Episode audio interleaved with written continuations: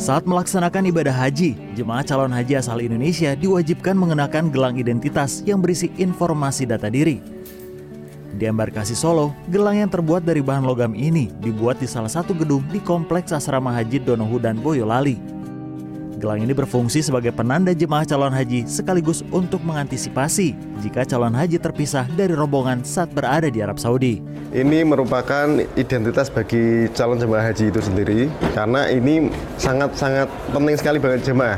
Di sini menunjukkan seluruh identitas jemaah tersebut, mulai dari bendera Indonesia, ini ada tulisan Arabnya Indonesia, SOC itu menunjukkan embarkasinya, ini kloter, kloternya jamaah tersebut. Ini ada maktab. Jadi semua jamaah haji di Arab Saudi harus punya maktab.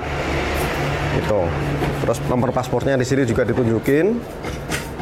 Ada namanya, nama yang bersangkutan jamaah haji tersebut. Terus ini tahun pemberangkatan, tahun operasional ibadah haji 2023. Gelang identitas haji ini dilakukan oleh tenaga dari Kabupaten Jepara yang dikontrak oleh pihak embarkasi. Perajin gelang identitas haji, Nur Rohim mengatakan, dalam sehari ia bersama enam rekannya bisa membuat gelang identitas haji untuk 3 hingga 4 kloter atau minimal 1000 buah gelang identitas haji.